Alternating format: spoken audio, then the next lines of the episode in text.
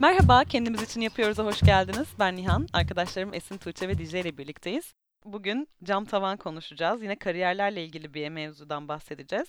Cam tavan nedir? Daha çok kadınların ve azınlıkların yaşadığı bir yükselme sorunu aslında. Yani kariyerlerinin bir aşamasında hedeflerine ve yüksek düzey yöneticiliğe ulaşmak için takılınan görünmez bariyerler. Yani kurallar çerçevesinde hiçbir şekilde kadınlar bunu yapamaz ve azınlıklar bu alana yükselemezler, yönetici olamazlar diye bir şey yazmıyor. Ama cam olmasının sebebi de buradan geliyor aslında. Çünkü bunlar görünmeyen bir takım bariyerler. E, hedeflerine ulaşmak istedikleri zaman bu insanlar bir cam tavanla karşılaşıyor ve oraya ulaşamıyorlar. Bununla ilgili benim kariyer örneğimle başlayacak olursak ben bir spor spikeriyim. Sesinden de anlayacağınız üzere bir kadın spor spikeriyim. Bu sektörde kadınların daha çok ekran önünde olduğu, haber sunduğu, program sunduğunu görebiliyoruz. Ama maç anlattığını çok fazla göremiyoruz. Yani insanlar bana e, ne iş yapıyorsun dediklerinde işte spor spikeriyim, maçı anlatıyorum dediğimde aa ne güzel demek ki kadınlar da varmış maçı anlatan diyorlar. Örneğin sporu çok takip etmeyen insanlar. Ama aslında sporu takip eden insanlar biliyor ki bunu yapan çok fazla kadın yok. Çok az kadın var. Ee, belki bir, belki iki. Yani üçüncüyü bile çok zor bulabileceğiniz bir alan. Bunun sebebi yani hiçbir yerde kadınlar maç anlatamaz, yazmıyor.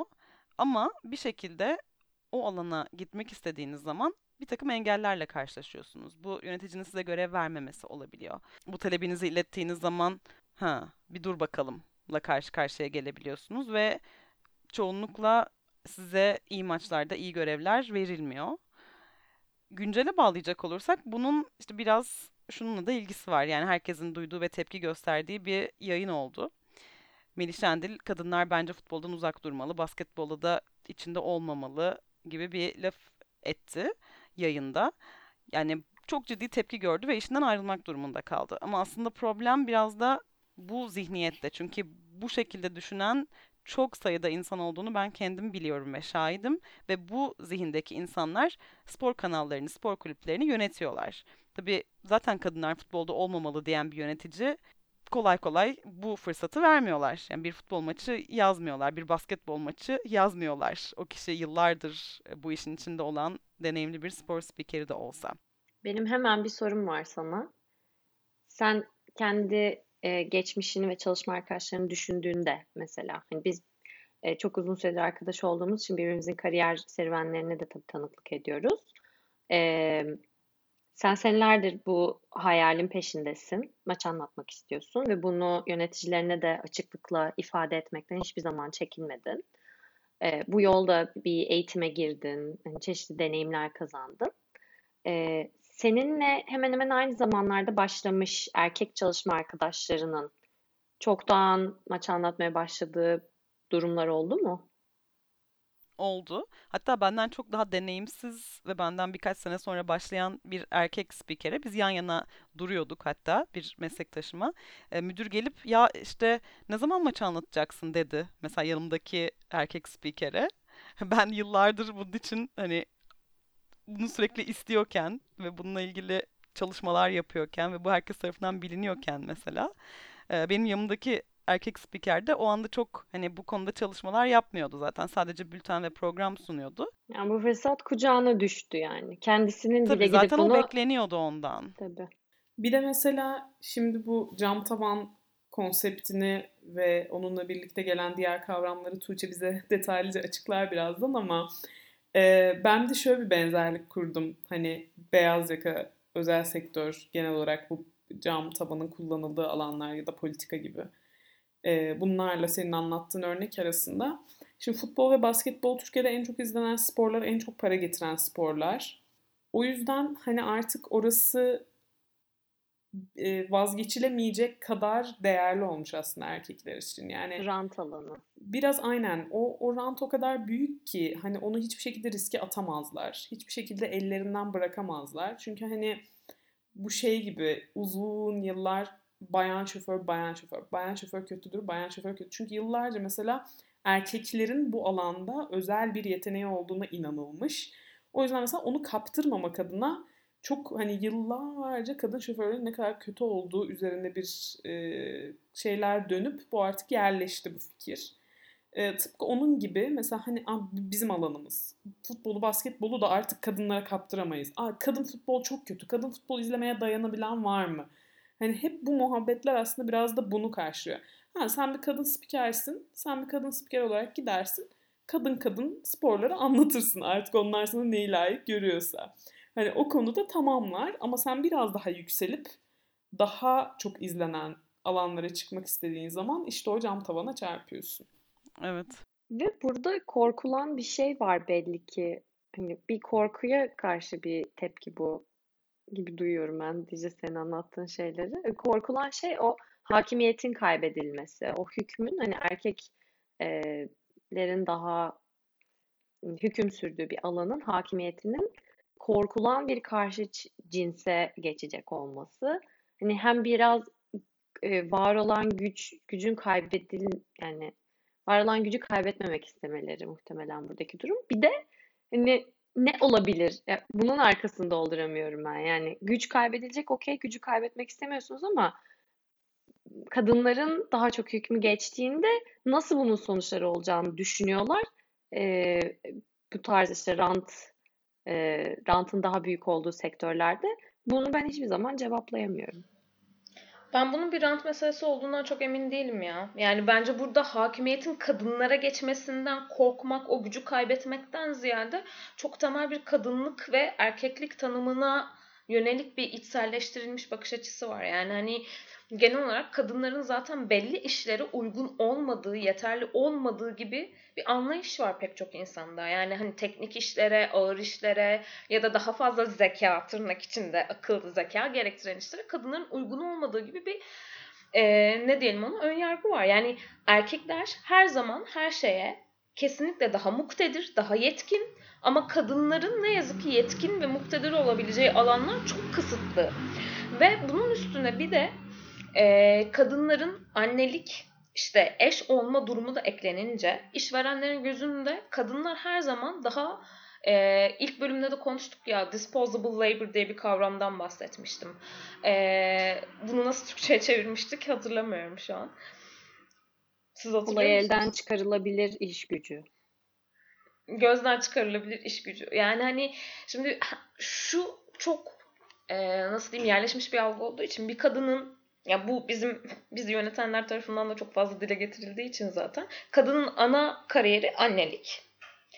Ee, ama hobi olarak da çalışıyor. Yani hani dolayısıyla bir kadının zaten hayatta en büyük görevi çocuğuna bakmak, eşine bakmak. Özellikle çocuk doğurduktan sonra işverenlerin kadına karşı şöyle bir bakış açısı oluyor. Zaten asla bir erkek kadar işe kendini veremez. Çünkü onun artık öncelikleri değişti. Şimdi bu bir takım anlayışlar kadına gücü kapte yani kaptırmaktan ziyade kadına yönelik bu tür ayrımcı bakış açıları kadının mesleğinden ziyade başka öncelik alanlarının olduğunu varsaymak e, gibi nedenlerden ötürü bence biz bu cam tavanla daha fazla karşılaşıyoruz. İşte bahsettiğim korku sanırım bu noktada da devreye giriyor. Çok haklısın bu arada söylediklerinde. Kesinlikle çok faydalı bir bakış açısı. Bunun bir uzantısı olarak herhalde şöyle düşünülüyor erkekler kadar e, yetkin olmayan bir grup insan e, bu sektöre daha fazla dahil olursa sektörün başarısı bozulur. Bu alan elden gider, beceremezler, yapamazlar. Ayrıcalık kaybı. Evet. Yani diğer şöyle görüyorlar. Hani futbolu ve basketbol özelinde konuşacak olursak mesela kendilerine doğuştan bahşedilmiş bir alan. Yani erkek doğan insanlara ayrılmış özel onları ilgilendiren, onların hüküm sürebileceği, onların aralarında konuştuğu, başka insanların, erkek doğmamış olanların dahil olamayacağı ve kendilerinin sadece fikir sahibi olabileceği bir alan olarak görülmesi bence burada biraz da sorun. Yani dediklerinizin hepsini kapsıyor. Bir yandan da böyle bir de bir boyutu var bence. Yani o ayrılığı kaybetmekten çok korkuyorlar. Ben de tam bundan bahsetmek istemiştim. İşte yıllar boyunca hani o ayrıcalıklar zaten hani bir şekilde erkeklere bahşedildiği için Onlardan şimdi yavaş yavaş vazgeçmek durumunda kaldıklarından bu sancıları da biraz yaşıyorlar. Bir de mesela hani zeka, eğitim gibi şeylere vurgu yapmak aslında burada çok komik oluyor. Çünkü genel olarak hani gelişmiş ülkelerde bakıldığında kadınlar her zaman erkeklerden daha eğitimli. Yani üniversite mezunu kadın sayısı erkeklerden daha fazla üniversite mezunu erkeklerden. Ama en üst pozisyonlara bakıldığında erkek yöneticiler daha fazla. Şimdi mesela Nihan kişisel bir örnek verdi. Ben kişisel bir örnek veremiyorum. Çünkü benim şu an kariyerimde bulunduğum nokta zaten benim henüz o cam tavana yakınlaşabileceğim bir noktada değilim. Hani birkaç yıl sonra e, kendisiyle karşılaşacağım diye düşünüyorum. E, benim çalıştığım yer zaten uluslararası bir organizasyonda çalışıyorum. Kesinlikle kadın erkek eşitliğine inanılmaz önem veren, bu konuda iş yeri politikaları olan, hani ya bu konunun farkında olup çabalayan bir organizasyonda çalışıyorum. Ee, ama mesela baktığım zaman globalde e, gerçekten orta düzey yöneticiler arasında kadınlar çok fazla. Çalışanlar arasında kadınlar çok fazla. E, yönetici olmayan çalışanlar arasında. Ama en üst seviyelerde hep erkek yöneticiler var. Yani yaşlı ve erkek egemenliği mesela bizim kurumumuzda bile bir şekilde devam ediyor. Yani o bir kendine yer buluyor. Yani onun bir önüne geçilemiyor. Ee, evet, kardeş organizasyonda çalışırken ben de aynı gözlemi yapmıştım. Ee, ve bunun yarattığı hayal kırıklığı kuruma duyduğun güveni bayağı zedeliyor. Çünkü eşitlik için çalışan bir insani örgüttesin. Ee, orada çalışıyorsun ama bir bakıyorsun kurum kendi bünyesinde çalışan insanları bile gerekli olan fırsat eşitliğini sağlamakta başarısız kalmış. Yani bu noktada neye güveneceğini şaşırıyorsun. Bunun yanı sıra önünde güzel, başarılı kadın yönetici örneği olmadığı için kendin için kuracağın kariyer planları ve e, hayallerde de bir motivasyon eksikliğine sebep oluyor. Diyorsun ki yani kendi kendine ben bir başarılı örnek arıyorum. Yükselmesine fırsat tanınmış bir kadın yönetici örneği bulmaya çalışıyorum ama bulamıyorum. E, o zaman arkasından da şu düşünceler geliyor. Bu zorlu sürece hazır değilim. E, ben en iyisi bu yoldan vazgeçeyim ya da yolun başına en iyisi hiç böyle hayaller kurma işine girişmeyeyim. Ya bunu yüksek sesle söylüyor olabilirsin. Bilinçaltından düşünüp hiç fark etmiyor bile olabilirsin. E, iş yerinde başarılı hissetmek zaten yeteri kadar zor. E, kapitalist düzenin içerisinde bizi e, mental olarak, fiziksel olarak yıpratan zaten çok fazla şey var. Bir de bunun üzerine bu tarz eşitsizlikler daha çok fark edilince insanın kuracağı hayallerden ve planlardan vazgeçmesi ya da motivasyonunu kaybetmesi, hevesinin kırılması çok daha kolay oluyor maalesef bence. Evet işte bu da bir kısır döngüne yol açıyor. Aslında Glass-Steagall hem bir yandan tepe, yani cam tavan dediğim şey aslında hem kurumsal bir şekilde içselleştirilmiş bir ön yargı. Dolayısıyla tepeden gelen de bir şey var. Ama kadının da kendi içine içselleştirdiği bir takım normalize ettiği bir takım kavramlar var. Yani başkalarının ona değersiz bakışına ne yazık ki o da normalize ettiği için o bakış açısını o da kendi değerine köyleşmeye başladığı için bir noktada zaten ben de erişemem oralara ya da ben oralara erişecek yetkinliğe sahip de değilim diye düşünmeye başlıyor pek çok kadın. Bu arada hani başta tanımını yaptık bu aslında sadece kadınlara özgü bir mesele değil yani hani toplumlardaki dezavantajlı pek çok grubun azınlıkların da çok fazla karşılaştığı bir durum aslında bu cam tavan ama biz burada daha çok kadın meselesi üzerinden konuşuyoruz bunu. Ee, ve dolayısıyla tekrar cümlemin başına döneceğim. Bu bir kısır döngüne yol açıyor. Hem kadınlar daha az talepkar olmaya başlıyor. E, daha yukarıya çıkmak konusunda hiyerarşikte, hiyerarşik sıralamada hem de zaten onlara bu seçenek de sunulmuyor. Benim mesela kişisel örnek olarak bahsedeceğim şey de azınlık gruplarla alakalı. E, ben hali hazırda Kanada'da bir göçmenim ve e, işimde sivil toplum örgütleri tarafından e, bir takım dezavantajlı gruplara yönelik geliştirilen iş edindirme ve kariyer gelişimi destekleriyle alakalı. Birkaç senedir bu tarz programlarda yer alıyorum. E, ve bu süreçte hem kendimde, kendimde burada bir göçmen olarak iş aradığım için e, hem de birlikte çalıştığım, çoğunlukla göçmen olan insanlarda da e, gözlemlediğim bir şey var. Sık sık karşıma çıkan bir şey var her zaman daha fazlasını istemekten çekinmek ve korkmak. Yani bu neredeyse herkeste gözlemliyorum bunu. Kendimde, çevremde, çalıştığım gruplarda. Ve net şunu görüyorum. Kaybedecek çok fazla şey var. Risk daha fazla. Güven alanında değilsin. E haliyle riskten kaçınma içgüdüsü de daha fazla kendini belli ediyor dezavantajlı gruplarda. E, o alana ait hissedebilmek için zaten halihazırda çok fazla duygusal enerji harcıyorsunuz. kendinizi henüz güvende hissetmediğiniz, kabul gördüğünüzü yüzde yüz hissetmediğiniz bir iş ortamında hele bir de üstüne terfi isteme, zam isteme, yükselmeyi bekleme gibi beklentileri kendinize hak göremiyorsunuz bazen. Hala 10-15 kişilik toplantı odalarında tek kadın olmak, masada oturan tek göçmen olmak gibi e, durumlarla sık sık karşılaşıyoruz yani.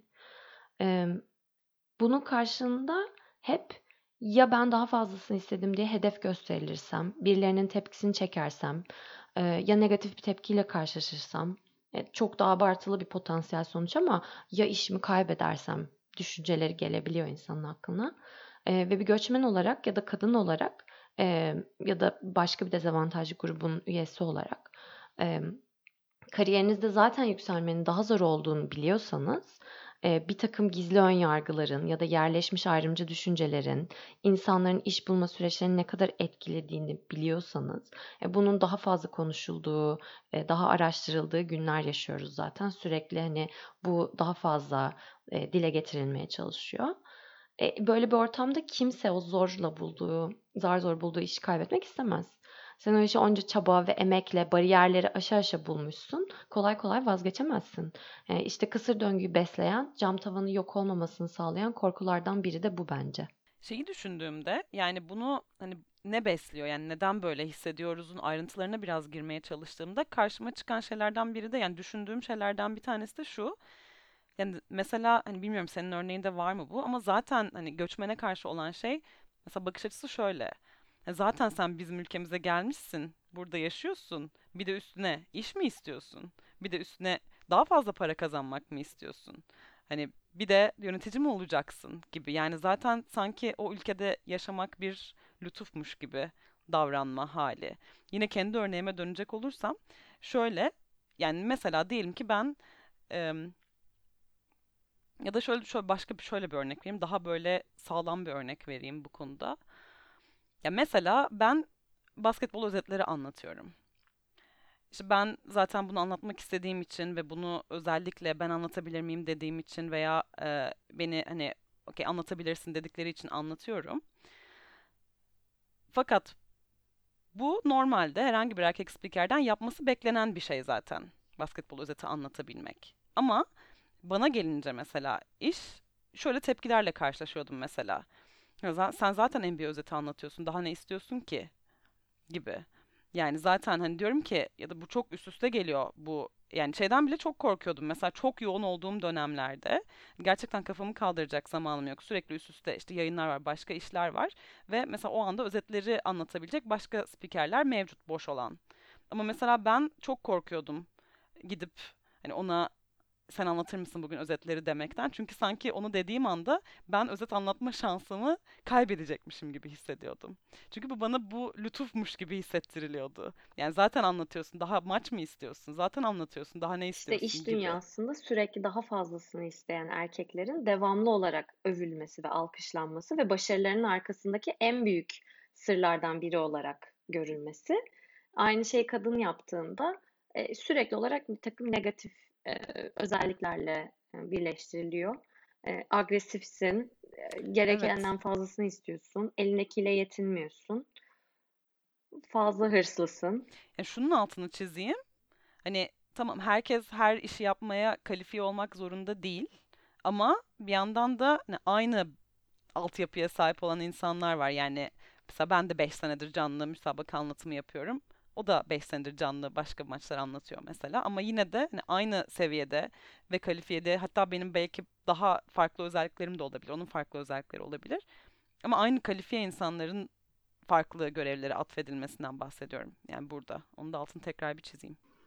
Evet, burada benim gözümün önüne şöyle de bir örnek geliyor. Hem senin deneyimlerini dinlediğimde hem de burada tanık olduğum göçmen hikayelerini hatırlayınca e, bir görev sana lütuf gibi verildiyse ya da e, bu şekilde hissettirildiyse sana bir şans tanıdı. Hadi bakalım sakın kaçırma değerli fırsatı ya da bak kolay kolay senin gibilere bu görev verilmez e, alt tonu varsa bu süreçte çok büyük beklentiler ve baskı yüklemesi yapıldığı anlamına gelir bu. Ve bu e, senin orada kendisi normal işini yaparken kucağına aynı fırsat düşüveren erkeğin bu işe başlarkenki özgüven ve rahatlık seviyesiyle senin özgüvenin ve rahatlığın asla kıyaslanmamalı.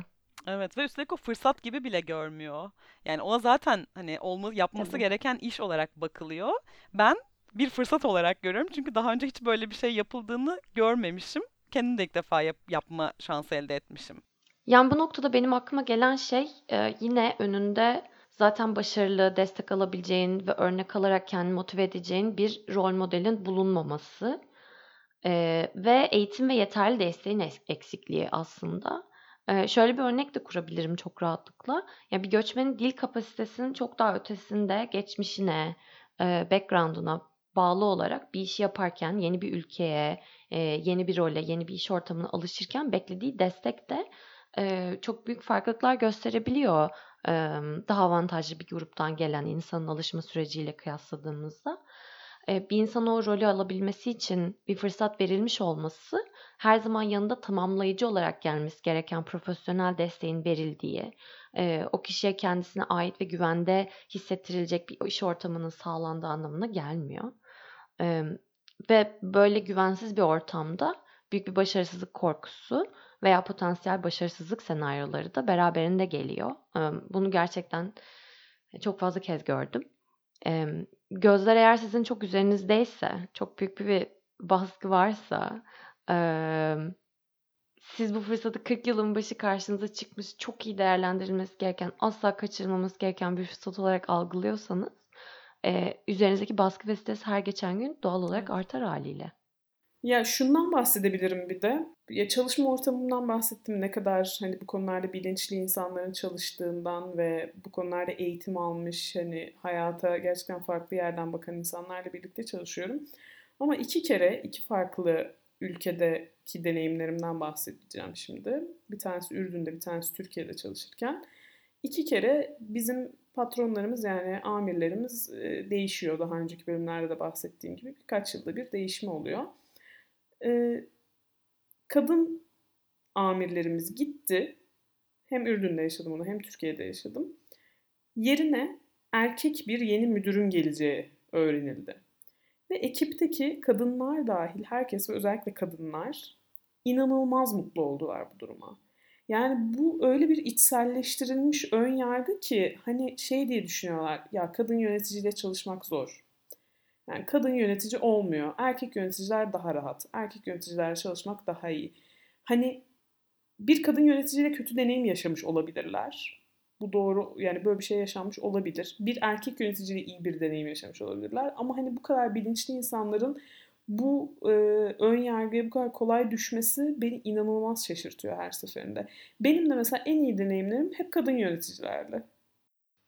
Valla kadın yöneticilerle çalışmanın biraz zor olduğu argümanına ben de katılıyorum ama ben bunun çok sosyolojik bir nedeni olduğunu da düşünüyorum. Ee, bu bence biraz şeyle de alakalı. Yani kadın ya zoru burada tırnak içinde kullanalım bu arada. Yani o tanımlanan zor çok kişiden kişiye değişebilir ama orada bence şöyle bir damar var. Kadınlar iş hayatında gerçekten erkeklere göre çok daha fazla e, zorlukla karşılaşıp onları aşmak zorunda kalıp onlara direnmek zorunda kaldıkları için ister istemez derileri daha kalınlaşıyor. Ve kendileri yani özellikle de başka bir kadın çalışanla beraber çalıştıkları zaman hani ben yaptım sen de yap. Yani ben ağlamadım sen de ağlama gibi bir bakış açısıyla yaklaşan kadın yöneticiler gördüm ben. Ee, bu anlamda bazen kadın yöneticilerle çalışmanın zor olduğunu düşünüyorum ama bu kadınlara yani o yöneticilerin bireysel sıkıntıları ya da kadınlığın kendisiyle ilgili bir sorun değil. Bu gene toplumsal bir mesele. Şimdi onu bir geçiyorum. Senin söylediğin şey Cici aslında benim kişisel deneyimlerime çok yakın bir şey. Ben de şaşırtıcı bir şekilde çok kadınların egemen olduğu bir sektörde çalışıyorum. Yani pazarlama, pazar araştırma aslında dışarıdan görünenin ve sanılanın aksine çok kadın ağırlıklı bir sektördür. Özellikle de pazar araştırma tarafı. Ee, ben o yüzden sadece çok yoğunlukla kadınlarla çalıştım. Çalıştığım şirketlerdeki daha önce söylemiştim bugüne kadar üç farklı şirkette çalıştım yani ve bunlar çok büyük şirketlerdi. Çok az erkek çalışma arkadaşım oldu benim.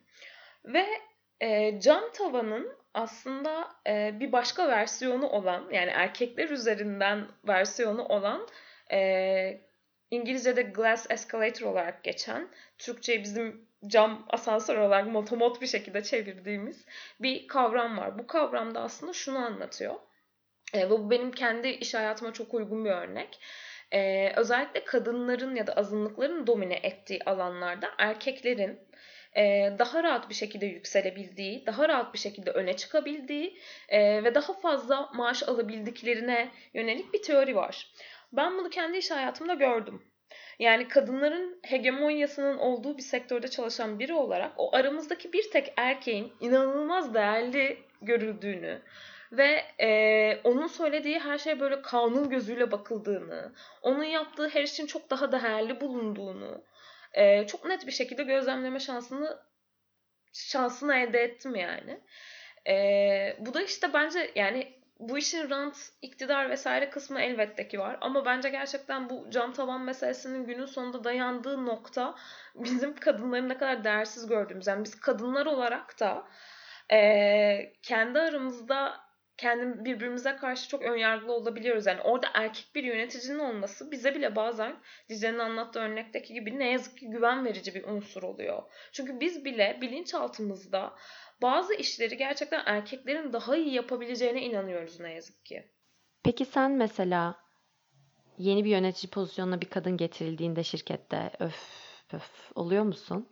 Ee, yoksa kafandaki düşünceleri kontrol edebiliyor musun sence? Ee, yani bir yandan da kariyerlerimizin hala başındayız. Zaten bunlar kişisel deneyimler. Ee, kötü deneyimleri, kadın yöneticilerle yaşanan kötü deneyimleri asla kadınlığa atfetmemek lazım hiçbir şekilde e, zor patronlarda kadınlığın getirdiği e, takım karakter özellikleri değil de kendi öz kişiliklerinin, geçmiş deneyimlerinin, bahsettiğin gibi toplumsal baskıların e, bir uzantısı görülüyor olabilir. Bunun farkındasın ama yine de hmm, kadın mıymış yeni yöneticim hmm, tüh falan oluyor musun? Demedim aslında çünkü ben bunun çok genellenilebilir bir şey olduğunu düşünmüyorum. Yani her kadın yöneticiyle çalışmak zordur gibi bir çıkarım yani ben hiçbir şekilde genellemeleri sevmediğim için her erkek yönetici mükemmel, her kadın yönetici çok kötü falan gibi bir durum yok hayatta. Ama e, ya işte senin söylediğin şey yani toplumsal meselelerin ne yazık ki hayatımızda çok gündelik alanlarda bile bir takım etkileri var.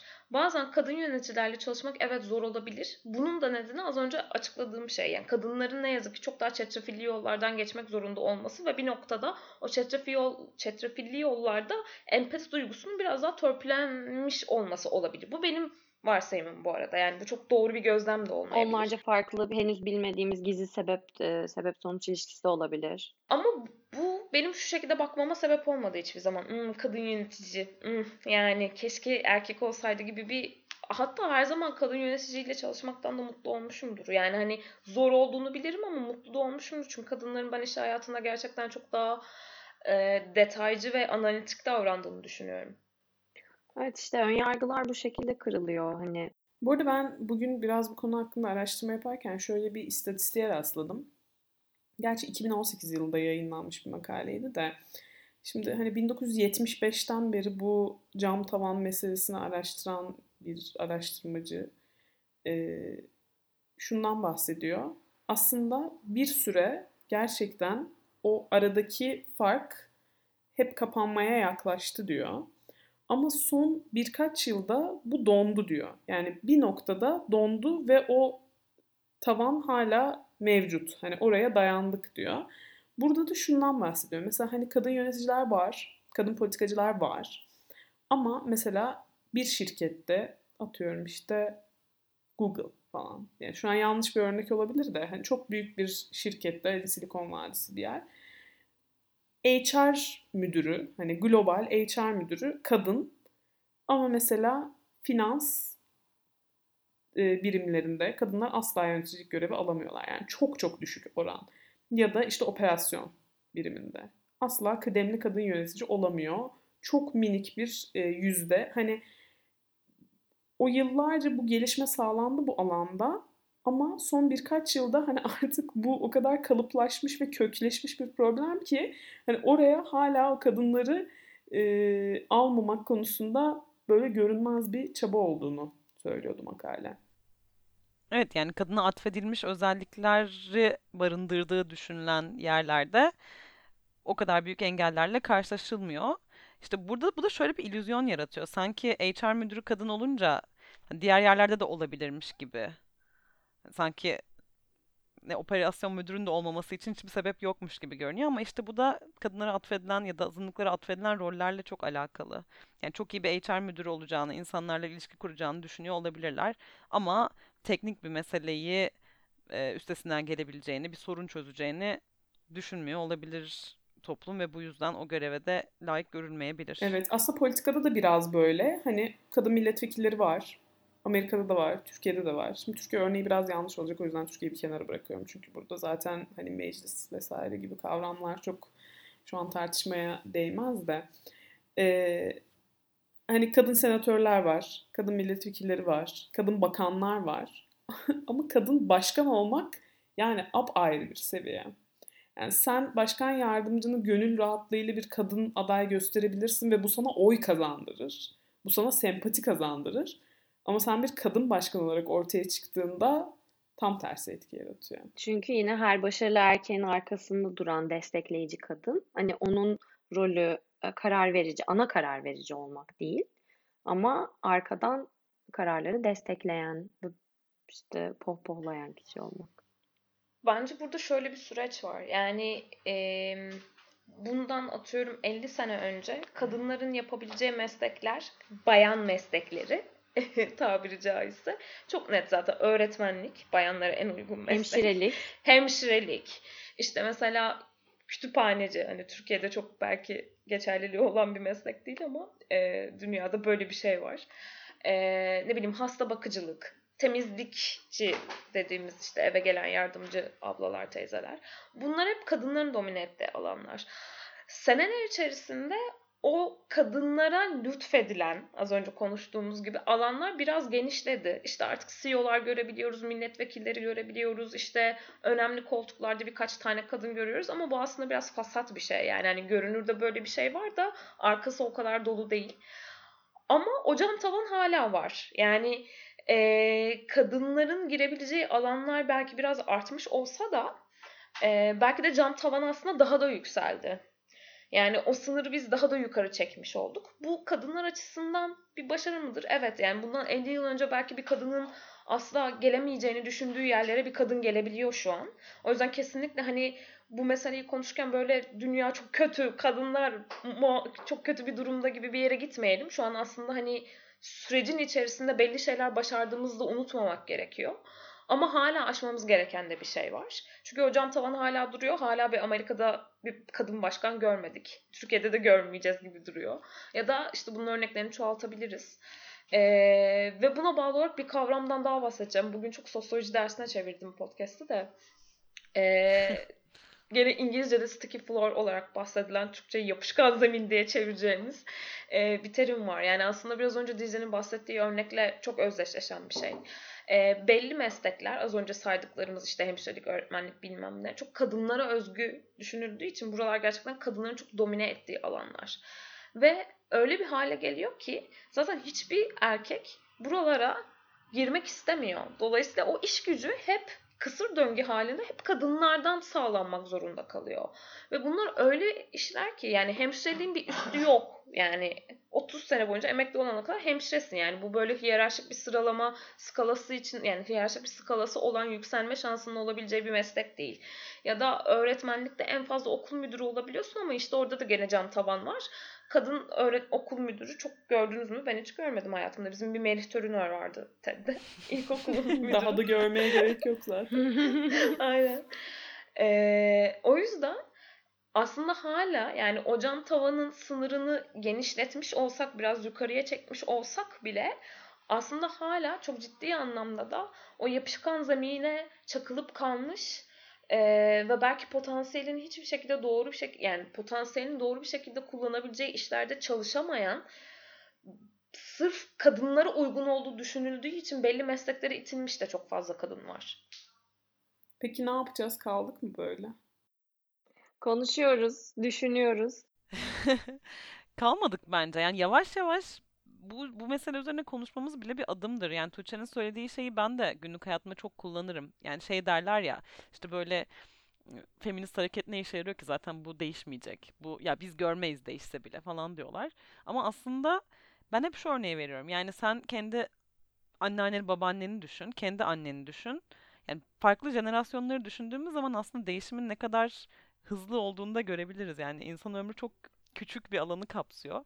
Ya mesela benim anneannem üniversite okuyamadı. Çok zeki bir kadındır ama üniversite okuyamamış çünkü evlenmiş. Ee, annemin başka bir şehirde üniversite okulması düşünülemez ya da kendi başına yaşaması düşünülemezdi.